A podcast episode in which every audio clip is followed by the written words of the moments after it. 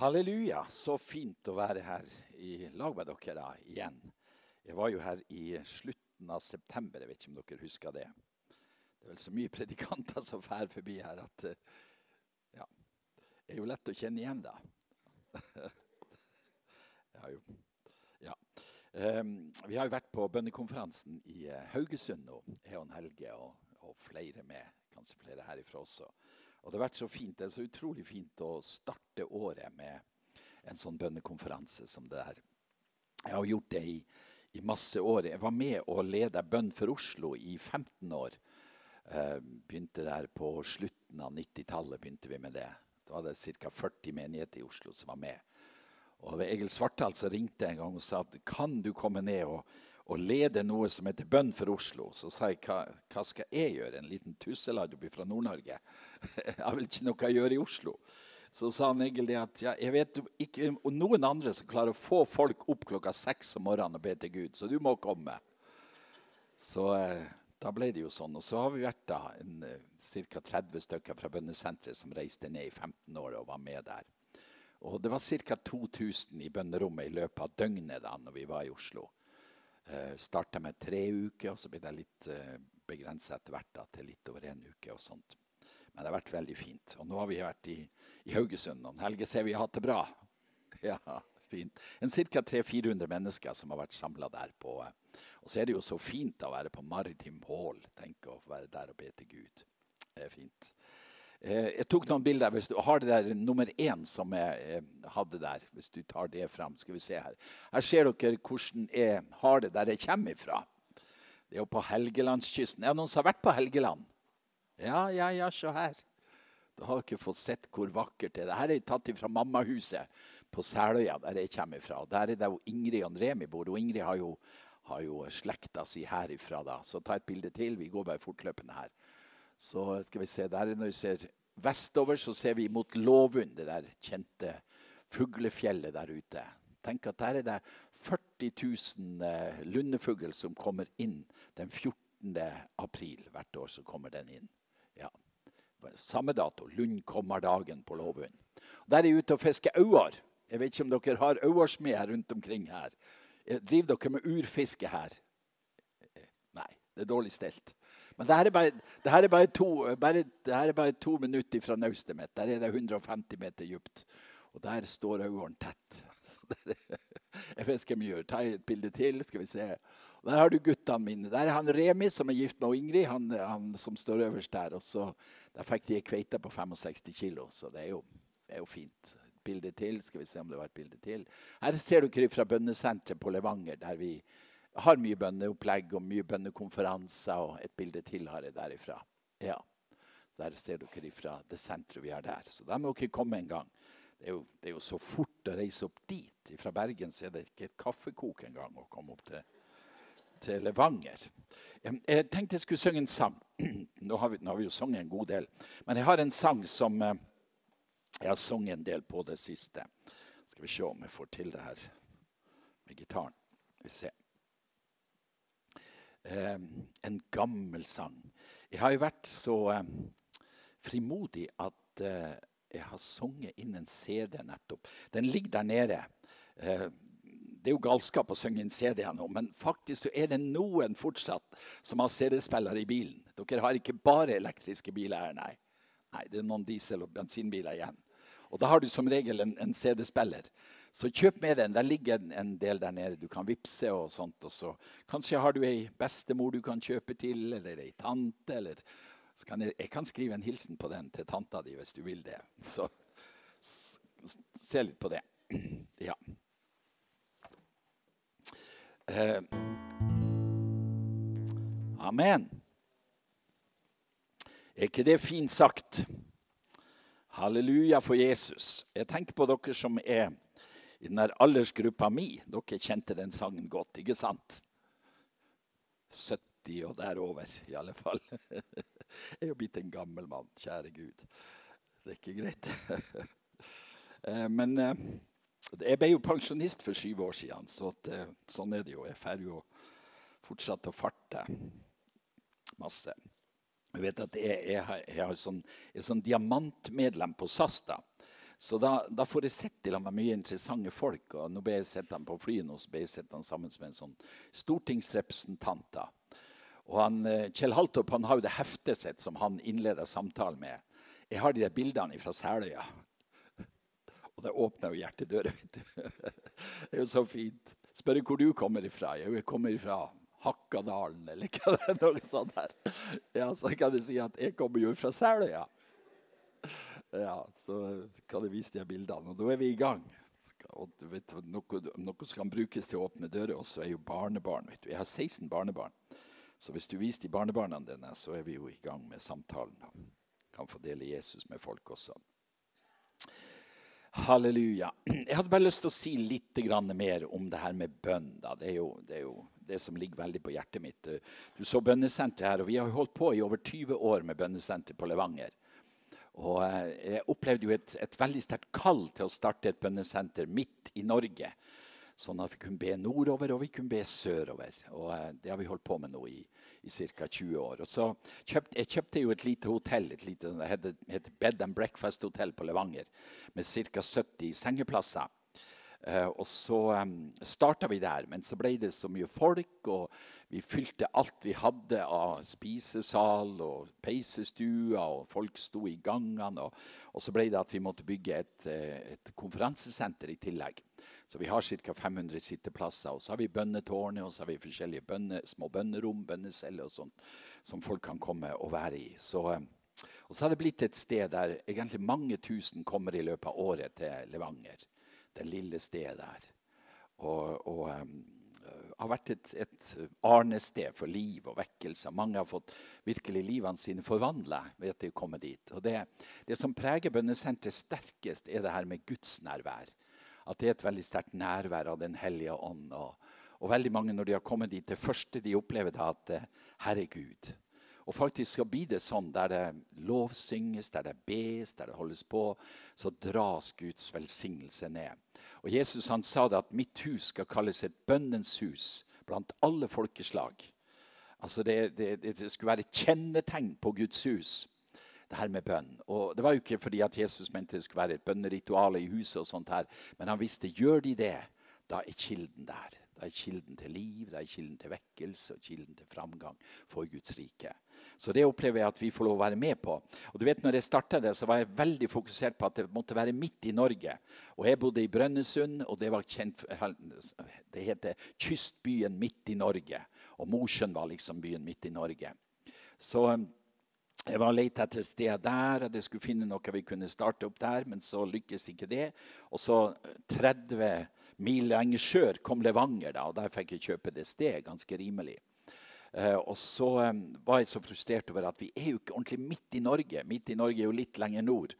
Og så fikk jeg plutselig vite at Midt-Norge var like ved Levanger. Litt innafor Levanger. Der er Midt-Norge. Så hvis du googler Midt-Norge, så finner du det litt lenger, litt lenger øst for, for Levanger. Stein, mellom Steinkjer og Levanger. Så nå er vi virkelig midt i Norge, og det visste jo Gud på forhånd. Så uansett om de kalte Mosjøen for byen midt i Norge, så visste Gud at det var der. Så derfor lykkes det at vi fikk sted der. Du vet at Det finnes ei berømt bønnebok som eh, kom fra Norge, som er skrevet ut av Hallesby i sin tid, som heter 'Fra bønnens verden'. Jeg vet ikke hvor mange språk den er utgitt på. Masse språk. Uh, og kommer i, kommer i, masse opplag også her i, i, Norge. Og Han sier en setning som er veldig interessant. Han sier det at bønn er et arbeid som ikke kan erstattes av noe annet arbeid i Guds menighet. Prøv å litt, tenk på den setninga. Bønn er et arbeid som ikke kan erstattes av noe annet arbeid i Guds menighet. Eh, og så kan vi spørre oss da, Hvor mye vekt legger vi på den delen av menighetsarbeidet? Jeg tenker på Dere er så utrolig privilegert her nede på dette strøket. her.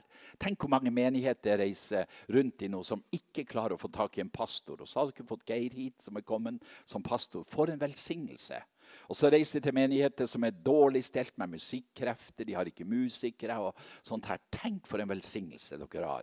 De er fantastiske musikerne dere har og alt det som er så bra. Og så tenk på det her vakre lokalet, nyoppussa og fint. og Dere har det jo så flott her. Tenk for et sted for at denne plassen her kan være en bønnens plass. et bønnesenter, et bønnehus, et bedehus midt her på, på Mosterhamn. Tenk på de mulighetene som ligger der. Og Jeg har så lyst til å oppmuntre deg denne formiddagen til å ta ut litt mer av bønnens ressurser som fins der. For det ligger der. Det ligger i hvert enkelt av vårt liv så ligger det en, en ressursbank på det her med bønn. Det koster ikke én krone å ta den ut. Det er bare at Gud får litt mer av vår tid, litt mer av vår oppmerksomhet. Så er vi i gang med noe fascinerende som heter bønn, og som Gud har gitt oss. Eh, jeg tror det er, noe, noe guddommelig som er lagt i vårt liv. For uansett hvilken stamme eller folkegruppe du går til, så driver de og ber. Hvorfor gjør de det? De ber kanskje til stokk og stein og sol og måne, og sånt her. men de har noe i seg som driver dem imot bønn. Og det er noe guddommelig som Gud har lagt i livet vårt. Og så er det hvor mye plass vi vil gi det i menighetslivet og i vårt eget liv. Det er det som er spørsmålet om. I, eh, i eh, Timoteus brevet i 1. Timoteus 2 så, så, står det her kjente vers. Alle som kan det. Jeg formaner dere fremfor alt. Det står I forskjellige oversettelser står det 'først av alt', 'først og fremst', 'fremfor alle ting'. Men det står ingen plasser bakerst og sist. Det står ikke noe i noen oversettelse. Så her står det Jeg formaner dere fremfor alt til å bære fram bønn og påkallelse, forbønn og takk for alle mennesker. Be for konger og alle i ledende stillinger, så vi kan leve et stille og fredelig liv med gudsfrykt og verdighet i alt. Dette er godt og noe Gud, vår frelser, gleder seg over. Han som vil at alle mennesker skal bli frelst og lære sannheten å kjenne. Et fantastisk vers. Og Paulus han, han eh, setter liksom så på spissen her. Jeg formaner dere fremfor alt, først av alt, det viktigste i vårt liv er å bære fram bønn og påkallelse, forbønn og takke for alle mennesker. Og Med det så viser Paulus hvor viktig det er det her med bønn. Og det er klart Når jeg reiser som predikant, så, så er merker det veldig godt når det er, kommer til en ordentlig bønnemenighet der det bes mye. Jeg vet ikke om dere har hørt en, om en menighet i en by som heter Seinajoki i Finland. Det er en stor menighet. Eh, ja, kanskje et par, jeg vet ikke om de kan være et par tusen. Det er en by på ca. 40 000 i Finland. Men der har de liksom tatt løs med det her med bønn. Og han, han, Pastoren som jeg har mye kontakt med, han sier det at, at i, bønne, i, i, menigheten vår så var det en, en, gruppe med damer som var veldig ivrige å be. Og de ba, og de søkte Gud. Og, men det ble liksom bare den lille flokken. Men så bestemte at vi, de er seks pastorer i menigheten. Og så sier han, så bestemte vi pastorene oss at vi må jo koble oss på de her bønnefolket som er så ivrige å be til Gud. Og så kobler vi oss på, så, så øker vi bønnetempoet i menigheten. I dag så er de elleve bønnemøter i uka uka i menigheten. Og så sa han når vi gjorde det som lederskap i menigheten, da løsna det. Og så begynte de her store bønnemøtene å komme på plass. De sier at i, På det meste nå så har de oppi 1500 mennesker på bønnemøtene sine. Og folk valfarter fra resten av Finland for å komme dit. Og så er det noe spesielt med menighetene. Så sier han siden vi begynte med det, eller siden det her løsna hos oss, så har vi levd i vekkelse. I 15 år siden nå, så har vi levd i vekkelse. Hver uke så er det noen som blir frelst. Og han sier det akkurat som det ligger en sånn tåke over Seinajoki av Guds kall. Folk er så kalt av Gud på så mange plasser. Og vi står der med forbauselse. Så kommer den, og, og, så kommer den. og så Han som vi har møtt på bensinstasjonen, plutselig er han på møte. Så er han så kalt av Gud. Og vi har ikke noe annet svar på det, sier han, enn at vi ber til Gud. Og det, jeg har vært der borte, og det er fantastisk å være med på den bønnemøtene. Der du har det her livet og gleden i bønn og lovsangen og lovprisninga.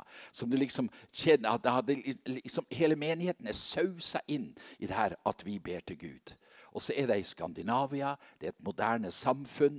Og så er det mulig også her å få løse ting gjennom at vi ber til Gud. Du vet, eh, I den boka som, eh, som jeg snakker om, 'Fra bønnens verden', så sier Hallesby at bønnen er den kristnes åndedrett, sier han. ikke det fint sagt? Og så vet du det, at det er lettere å puste enn å holde pusten. Ikke sant? Bare prøv å holde pusten, du. Det er ikke lenge før du snapper etter, etter luft. Og hvis det er vår åndedrett, så er det lettere å be enn å ikke be. Det skulle være, det, si det skulle være lettere å be enn å ikke be. Men så vet vi samtidig at hvis det er en plass i vårt liv det står kamp om, så er det vårt bønneliv. Det er ikke vanskelig å drikke kaffe og gå på Facebook og sjekke mail og se på Dagsnytt. Det, ingenting av det er vanskelig. Men når det kommer til bønn, så står det kamp om bønnelivet vårt. Og vet du, det er et kvalitetsstempel på bønn. Det viser bare at hvis det er en plass der djevelen vil sette inn mest mulig av sine ressurser, så er det ditt og mitt bønneliv. Han vil stjele fra oss den kostbareste skatten som fins i vårt liv. Det at vi får lov å kommunisere med himmelen og ha fellesskap med Gud i bønn. Og Derfor er det viktig at vi tar en bestemmelse og bestemmer oss. det her, Du gamle ulv, du skal ikke få ta ifra meg den mest dyrebare skatten i mitt liv. Jeg vil be til Gud. Jeg vil være en av de som søker det, som lovpriser, som er takknemlig, og som kommer med mine bønner innenfor det. Herren ønsker å, å, å, å velsigne vårt bønneliv og oppmuntre oss. Det står i, i, den gamle pakt at han vil salve oss med nådens og bønnens ånd. Det var sagt under lovens tid, men det står ikke lovens og bønnens ånd. Det står nådens og bønnens ånd. For all bønn er en nådevei der Gud leder oss ved sin Hellige Ånd.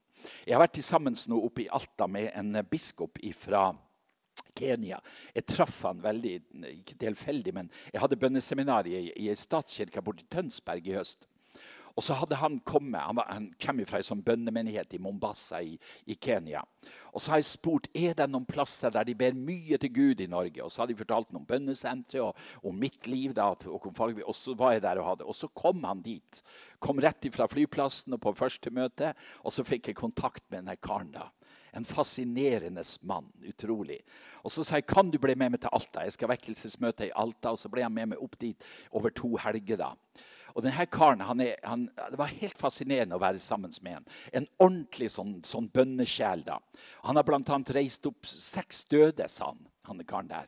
Men så sa han det er jo ikke noe å skryte av, for jeg har jo prøvd å reise opp over 1000. Han, så, og det er bare seks som har stått opp, sa han. For har, Han har en svær menighet med mange tusen i menigheten sin. Og så sier han hver gang jeg har begravelse, så prøver jeg jo først å vekke de opp. sier han. Kan du tenke deg for en annen tankegang det i, i de guttene her. Men de driver og ber til Gud. Og så har de det her, her, her gledesfylte bønnelivet. Han viste med, viste med bilder eller videoer fra bønnemøtene. Og de marsjerte, og de dansa, og de sang, og de prisa Gud. Og holdt på sånn her. Og sånn, sier han, kan vi holde på i tre døgn uten å gå hjem. Vi er i kirka i tre døgn, og så synger vi, og så danser vi, og så priser vi Gud, og så ber vi til Gud. Og så har det blitt en plass der Gud med sin herlighet er til stede. Og så sier han så er vi i det mest ekstreme av den muslimske delen av Mombasa. Og vi er utsatt sier han, for, for, ekstreme muslimer. Men så sa han Gud har lagt sin beskyttende hånd over oss.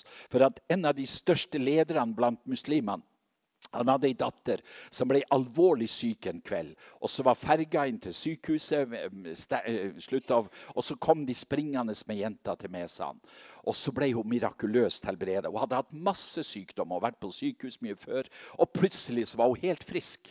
Og Da sa han øverste lederen for muslimene at du skal få lov å bygge kirke her iblant oss. Men du får ikke lov å kalle det for kirke, du må kalle det for hospitalet, sa han.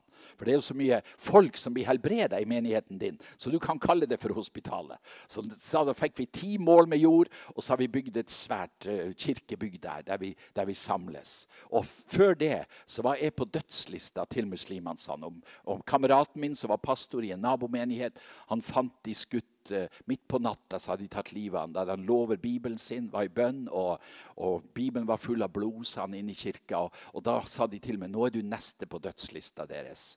Men så har Gud vært med og beskytte oss. Og de her, de her, denne karen her Det var altså så herlig å være sammen med de her, de her gledesfylte typene som går der og marsjerer og ber og søker Gud. og Har en sånn enorm glede i det her. Og det som forvandla mitt liv som ung gutt, det var at jeg møtte den gledesfylte bønna. Jeg møtte noen gamle damer oppe i Bodø. Jeg, jeg, var jo blitt frelst. Jeg var på sildfiske her nede i strøket bl.a. Jeg har vært mye i Haugesund og, og levert sild. Jeg var 14 år gammel når jeg begynte på denne, denne sildsnørpen. Og der ble jeg frelst. Og så skulle vi bygge om båten, og så kom jeg til Bodø.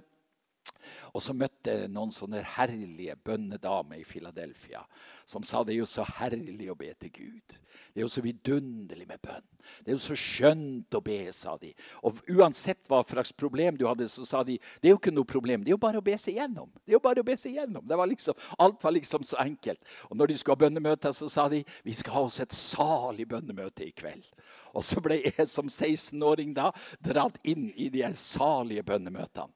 Og det forandra mitt liv totalt. Plutselig så oppdaga jeg den gledesfylte bønnen der det var godt å be og gledesfylt å be. Og, og Jeg møter jo en del mennesker som kommer til meg og sier at ja, men det er så tungt å be. og mitt bønneliv er så tungt. Bruker å spørre dem, Hvor mye takker du når du driver og ber? Hvor mye lovsang legger du inn? Hvor mye takknemlighet har du i bønnelivet ditt? For du vet Det som kan forvandle bønnelivet vårt ifra å være noe tungt og trått, er at det blir attraktivt og gledesfylt. Det er at vi fyller det med mye takknemlighet, mye lovsang, mye begeistring, ære for Herren. Og gjennom det så kan vi forandre forandre vårt bønneliv. Og så er det sånn at Ut ifra det her med bønn så kan vi få lov å se bønnesvar. Det er klart at Jeg ber for mye folk som ikke blir helbreda, men sannelig ber jeg for mange som blir helbreda også. Jeg hadde et bilde, jeg vet ikke om du vil vise meg, ta det bildet på nummer to der som jeg hadde. Jeg har et sånt filt bilde fra Ukraina. Jeg, vi har jo et stort arbeid i Ukraina og har fortsatt mye der nede. Og Se på det fine bildet her. Dette er en yngre utgave av evangelist Håkon Fagervik. Jeg har fortsatt uh, mer hårfarge der enn har nå. Men i alle fall, dette er et sånt sterkt bilde for meg. for her, her, Jeg har hatt tre telt i Ukraina som jeg virka med. Her er et stort telt på, det tok 1100, 1100 sitteplasser. Og så har det vært pakka fullt av folk denne kvelden. her. Og Jeg var kjørt opp i et hjørne der det sto og ba for folk. Og jeg var helt pressa i teltduken. Og folk de pressa på. Og jeg, jeg, var så utslitt at jeg, jeg kjente jeg klarte ikke mer. Så jeg sa til tolken min du må få meg herifra før jeg, før jeg, blir, jeg kollapser, sa jeg. Jeg var så utslitt. Jeg har bedt for hundrevis. Og så er det at det kommer to små jenter med bestemor som er blind. Og så eh, forteller de om bestemora si, de er små jentene. Og så tar jeg ansiktet hennes og så retter jeg det mot en sånn sterk lyskaster som vi hadde i teltet. Og så sier jeg 'Ser du lys?' Og så sa hun 'Nei, det er mange år siden jeg har sett lys', sa hun. Ja, men, men, men, ser du ingenting, sa jeg. Nei, jeg ser ingenting, sa hun. Og så, og så, tok jeg og la tommene mine på, på øynene hennes, og så ba jeg enkel bønn. Ei utslitt bønn. Så det var iallfall ikke min kraftige bønn som gjorde det her. Og så når jeg tar bort tommene mine, så skriker dama 'Så fint et slips du har!' 'Og så fin ei skjorte du har!' Og så står hun og klapper meg sånn her på brystet der inne i teltet. Og så ser hun rundt, og plutselig så hadde hun fått synet igjen. Og Det var iallfall ikke kraften i min bønn. Den, den, den, verken vokabularet eller stemmen eller noen ting. Men plutselig så kom Gud. Og Det er jo det som er hemmeligheten i ditt og mitt bønneliv. Det er jo at Gud kommer på banen når vi driver og ber. Og Neste kveld så kom hun med en, en svær rull med penger hun skulle gi meg. og dama der. At hun skulle betale for helbredelsen. Så sa jeg til henne at, at, når du kjøper brød på butikken eh, en dag og betaler for det, går du neste dag og betaler en gang til?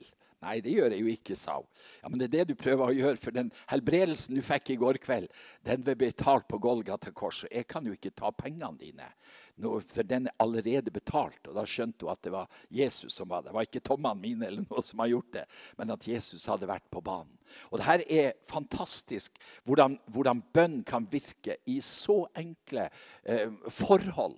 Du vet, Paulus, Tenk på den store Paulus, som hadde det bønnelivet. Drev på inn i fengselet og ba og søkte Gud og, og uh, opplevde de her gjennombruddene gjennom bønn. Og så sier han i Romerbrevet 8 at, at jeg er så svak når det gjelder mitt bønneliv, sier han. Men Ånden kommer meg til hjelp i min svakhet. For jeg vet jo ikke hvordan jeg skal be rett. Men Paulus, du vet vel hvordan du skal be rett? Du som har bedt i alle de her åra og sett de her mektige miraklene skje. Nei, sier Paulus, egentlig så vet jeg ikke hvordan jeg skal be. Og så er det at ut ifra denne, denne hjelpeløse bønn, så er det at Gud handler når vi driver og ber. Og Kanskje kjenner du på det at ja, men min bønn det er vel ikke så stor kraft i den.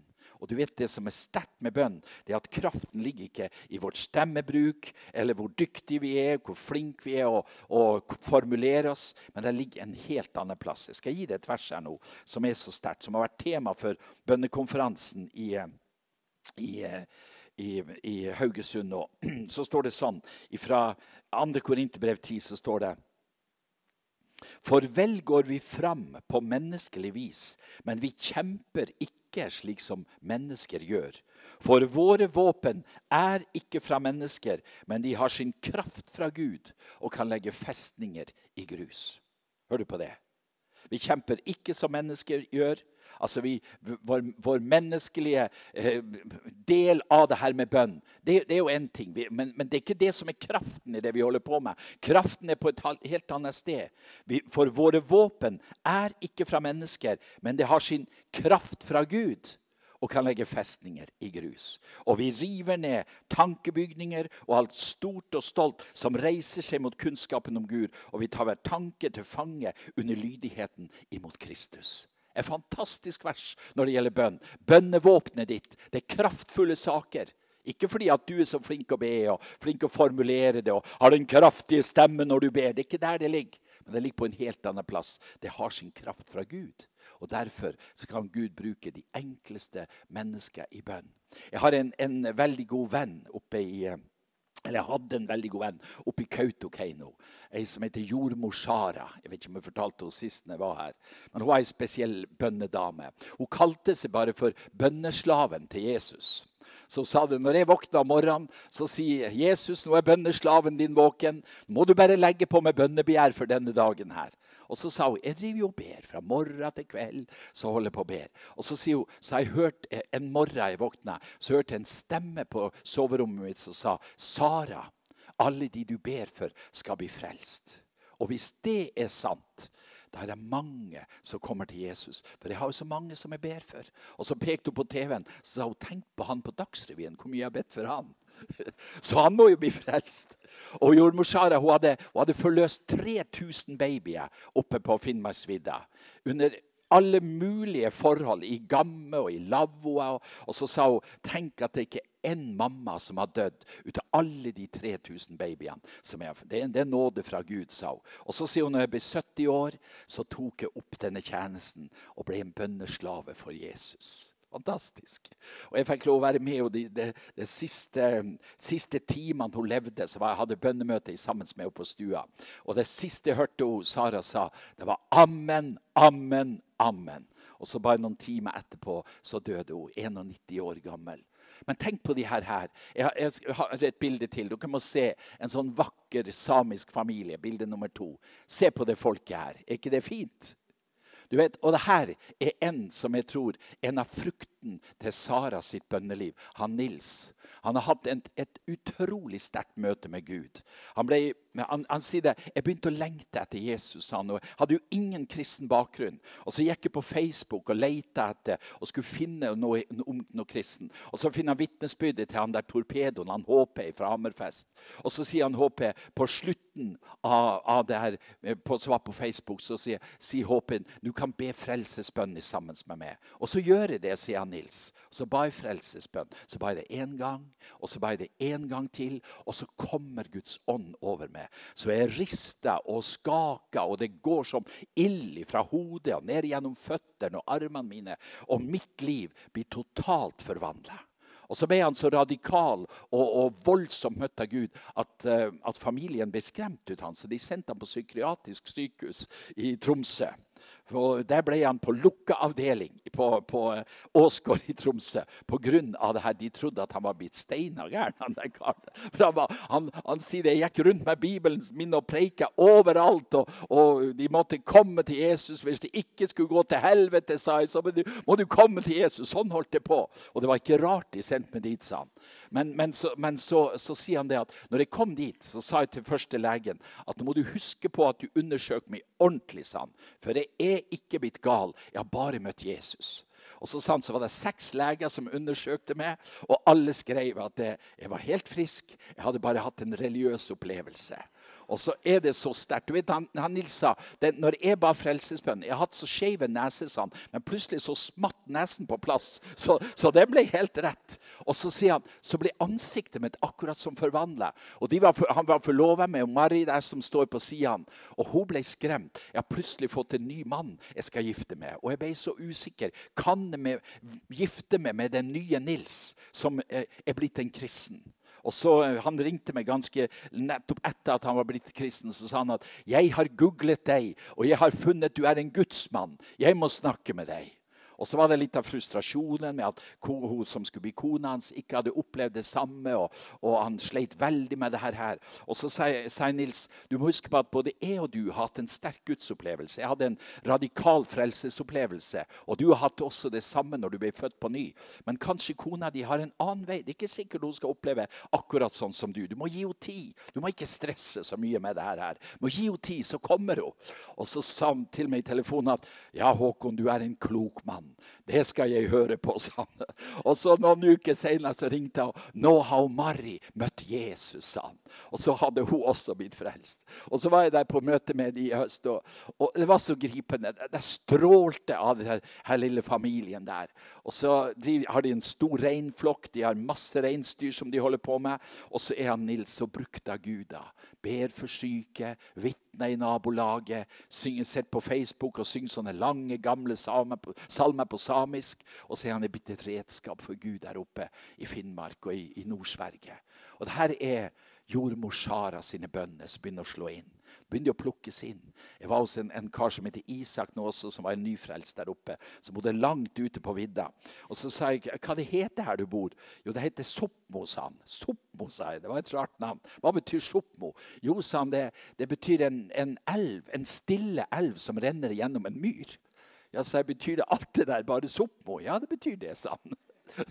Sånn er det jo i de samiske områdene. Men, men, men de begynner å plukkes inn.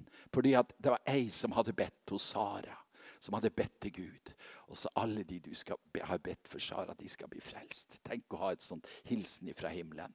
Og Jeg vet ikke hvor mye du har som du ber for. Mange av oss har barnebarn som vi kjenner nød for. Og, og, og midt i denne galskapens tid, der det er så tøft å være, være ung i denne tida Tenk hvilken hvilken tid vi lever i.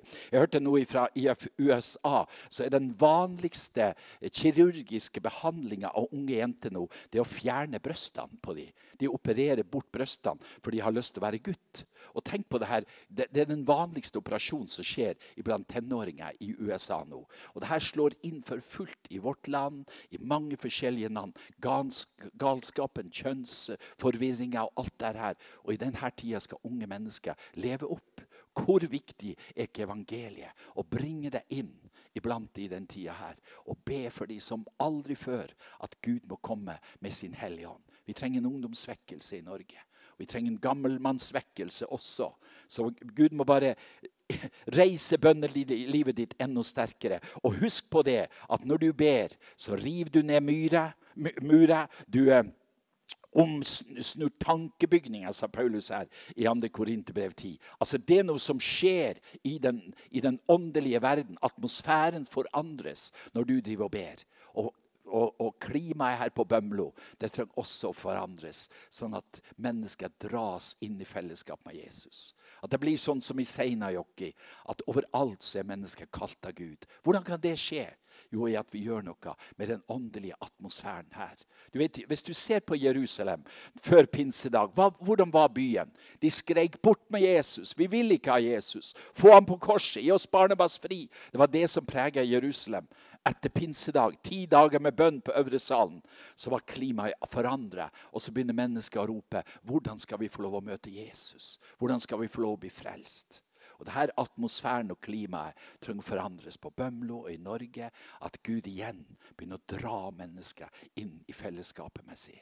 Så jeg, jeg, hadde bare lyst til å oppmuntre det så enkelt her i dag. Jeg behøver ikke å si mer, men, men husk nå på det. Når du driver og ber, så fyll bønnelivet ditt med mye takk. glede myga. Tenk hvor utrolig privilegert vi er at vi får lov å følge Jesus og leve sammen med han. Og bringe velsignelse. Jeg, jo, jeg feier jo rundt og velsigner masse bedrifter og opplever så mye mirakler når det gjelder bedriftsliv og økonomiske ting som skjer ved at jeg får lov å dele velsignelse. Jeg må fortelle dere en artig historie fra Kautokeino. Det var en, en same der som hadde starta en, sånn, en sånn butikk med, med scooterdeler. Scooterdresser og, og reparasjonsobjekter til scootere. Masse ting. Hadde kjørt Kjell stasjon oppe i Kautokeino. Og Han var ingen kristen, men jeg hadde så lyst til å skulle velsigne bedriften hans. Så gjorde hun det. Jeg, gikk rundt med, jeg har jo alltid med meg en sånn salveoljeflaske som det her. Så jeg gikk rundt og salva litt i butikken hans. og og ba litt der. Og så sto han bort med kassaapparatet og sa jeg må jo få salve det kassaapparatet. At du får inn litt penger. Ja, det må du gjøre, sa han. Ja, Så må jeg få lov å salve det og be for deg også, at ikke du blir en propp i systemet, sa jeg. Og så sa jeg til ham at du, må du huske på det at, at du føler ordentlig regnskap, ikke noe svart regnskap her. Det var en som spurte meg der oppe at, at uh, si meg, Fagervik, skal jeg gi tiende ut av svartpengene også? Så sa jeg da må du iallfall gi 20 hvis, hvis det er svartpenger du har. Men så, så, gikk jeg rundt her, og så fikk jeg lov å be for ham og legge hendene på ham og velsigne ham. Og skulle du høre hva som skjedde, så var det ei dame som og, og, og, solgte sånne skrapelodd på en fiskefestival som var i Kautokeino. Og Så kom hun inn der, og så kjøpte han ett sånt lodd. Og så skrap han fram, og så var det 10 000 på loddet. da, Så han vant 10 000 kroner. Og da hoppa han til og sa det var da voldsomt at velsignelsen slo inn med en gang sa han. Det, det hadde ikke kunne forstått. Og så hadde han gått rundt i bygda og fortalt om hvor velsigna han har vært. Og hva, hva, er det som skjer med det her når det er velsigna bedrifter? Jo, det er kraften i Guds velsignelse. Du vet, Velsignelse er sterke saker. Vet, Forbannelse det kan vare i tredje og fjerde ledd. Men Guds velsignelse den varer i tusen ledd. Ser du styrkeforholdet? Og Det er det vi er kalt til. Å bringe velsignelse. Velsigne mennesker rundt oss, velsigne bedrifter. Velsigne det som skjer i næringsliv og arbeidsliv. Og så vil vi oppleve at Gud er der med sin velsignelse. Som er godt for mennesker og for samfunnet. Og det som jeg leste der, så sto det at han som vil at alle mennesker skal bli frelst og lære sannheten å kjenne. Tenk at det er Guds lengsel for Mosterhaven. Guds lengsel for Bømlo. Det at alle her skal bli frelst å komme til Jesus. Så la oss ta tak i de mulighetene som ligger i bønn. Koster ingenting å ta det ut. Begynn å be litt mer når du er på kjøkkenet ditt, eller kanskje er du på arbeidsplassen eller på en skole. eller hvor du er. Så Begynn å kommunisere med himmelen. La det bli en sånn naturlig bønnestrøm. Og så kan dere øke bønneaktiviteten i menigheten her. Tenk på det. Tenk, tenk, for et fantastisk lokale dere har for å be. Her kan dere ligge på teppegulvet her og be, og du kan rusle rundt i håslestene her og, og be. Og kan, det er så mange muligheter. Som regel er det varmt i lokalet. Tenk for noen muligheter som ligger i bønn. Og ta ut mer av bønneressursene som Gud har for ditt liv og for det stedet her. Bønn er et arbeid som ikke kan erstattes av noe annet arbeid i Guds menighet. Herre, vi takker deg for du har gitt oss denne fantastiske bønneveien, Herre. Og så vet du at det er ingen av oss som er fullkomne når det gjelder bønn. Det, vi, vi, kjenner alle sammen. Vi skulle ha bedt så mye mer. Jeg kjenner det for min egen del. Og jeg vet, Herre, det er så utrolig mye land å innta på bønnens område. Og jeg ber, Herre, at du skal forløse det. Og du ser, Det står en sånn kamp om det. det. Når vi skal be, så er det alt mulig annet som skjer, Herre. Og Djevelen kjemper med nebb og klør imot vårt bønneliv. Herre, jeg ber at du skal hjelpe oss. Jeg ber du skal salve oss ekstra med din hellige ånd og din kraft, Herre. Med nådens og bønnens ånd. La den komme over oss. Og jeg ber at I denne menigheten så skal det være noen som blir så smittsomme på det her at de drar med seg andre inn i bønnen. Og at denne gledesfylte bønnen blir sånn at de sier til hverandre Skal vi ikke ha oss et salig bønnemøte i kveld? Skal vi ikke ha oss et salig bønnemøte nå på morgenen? Herre, la det, la det forløses noe ved Din hellige ånd der det begynner å prege Mosterhavn og prege Bømlo, at mennesker ber til Gud som aldri før her. Takk for din godhet imot oss. Vidunderlige Jesus, takk at du har kalt oss inn til samfunn og fellesskap med det. Herre, vi priser det. For det er et privilegium at du, vi får lov å komme i audiens hos kongenes konge hver eneste dag. Takk skal du ha for det, Jesus. Og så ber jeg Herre at det er ingen her i forsamlinga som skal preges av dårlig samvittighet på bønnens område, men at de kan kjenne at det er noe som oppmuntrer de, og kjenne at ja, jeg har lyst til å ta tak i det. Jeg har lyst til å få ut mer av bønneressursene som fins i mitt liv. La det skje, Herre. Det ber vi om i Jesu Kristi navn. Takk for din nåde og godhet imot oss. Halleluja, halleluja, halleluja. Takk, Jesus. Jeg, jeg har lyst til å be